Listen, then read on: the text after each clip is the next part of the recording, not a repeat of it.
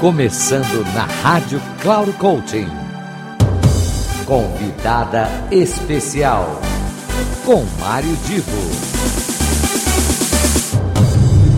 Alô, alô, queridos ouvintes, aqui é Mário Divo. Em nome da Rádio Cloud Coaching, eu quero apresentar a nossa convidada especial.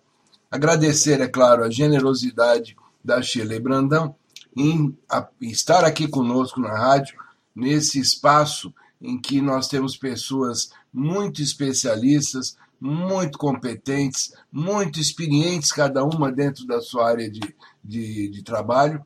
E hoje a Shirley vai nos falar uh, sobre um assunto que interessa diretamente uh, na questão do desenvolvimento humano e principalmente para o sucesso das empresas.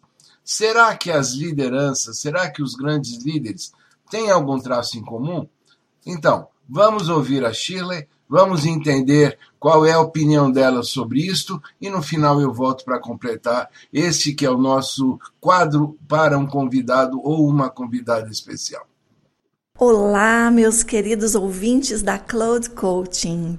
Meu nome é Shirley Brandão e trabalho com desenvolvimento humano há mais de 30 anos e é um grande prazer estar aqui hoje falando sobre um tema tão importante como esse. Eu quero começar te fazendo uma pergunta. Você consegue imaginar como seriam os resultados nas empresas se fosse possível determinar traços de personalidade, características ou estilos que definiriam um conceito ideal de liderança? A impressão que se tem é que tudo seria muito mais fácil, não é mesmo? Essa dúvida, meus queridos ouvintes, ocupou a mente de cientistas por mais de 50 anos, até que um dia eles concluíram que não existe nenhum estilo, nenhum talento, traço ou característica universal na raiz de sucesso dos grandes líderes. Tanto homens, mulheres, jovens, pessoas maduras de diversas nacionalidades ou religiões, ou seja, nada, não existe nada que defina quem são os melhores líderes. E a conclusão que se chegou é que autenticidade é o que define o conceito ideal de liderança.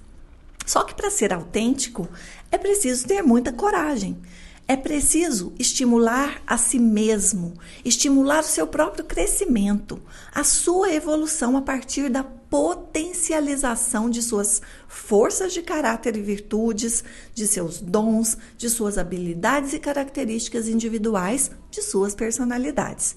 Então, se você deseja ser mais competente, produtivo, engajado, determinado, reconhecido e feliz em seu trabalho, lembre-se de começar por valorizar quem de fato você é. Não existe modelo ideal. O ideal mesmo é você se reconhecer, é você perceber as características que possui que o tornam único e a partir daí se posicionar como tal. Ninguém foi e ninguém será como você. Então, meu querido ouvinte, valorize sua autenticidade. Essa é a mensagem que eu deixo para você com um forte abraço meu. E se quiser me encontrar, eu sou colunista da Cloud Coaching, Shirley Brandão. A minha coluna chama Liderança Autêntica. Espero muito você. No Instagram estou como Shirley Brandão Oficial. Um grande abraço. Então, gostaram aí de tudo que a Shirley falou? Ficou claro para vocês como é que nós podemos uh, trabalhar os assuntos de liderança da melhor forma possível para o bem das empresas, para o bem, da, da inclusive, das pessoas que trabalham conosco. Uh, esse espaço, então, convidado ou convidada especial, ele virá com bastante frequência e nós teremos sempre alguém com muita competência, com muita experiência, assim como a Chile, para poder trazer opiniões, dicas, informações e tudo mais que é importante para o cotidiano de todos nós que lidamos com o desenvolvimento humano. Até a próxima. Final do programa Convidada Especial.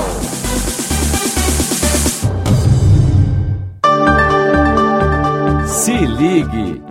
Semanalmente você ouve o programa Convidada Especial sempre na segunda-feira às 15 horas, com reprise na terça às 5 e meia da tarde e na sexta-feira às 10 horas da manhã. Quem será nosso convidado ou nossa convidada? A surpresa é nossa e a revelação e apresentação de Mário Divo, sempre aqui na Rádio Cloud Coaching. Acesse nosso site radio.cloudcoaching.com.br. Confira toda a programação e baixe nosso aplicativo na Google Store. Rádio Cloud Coaching, conduzindo você para o sucesso.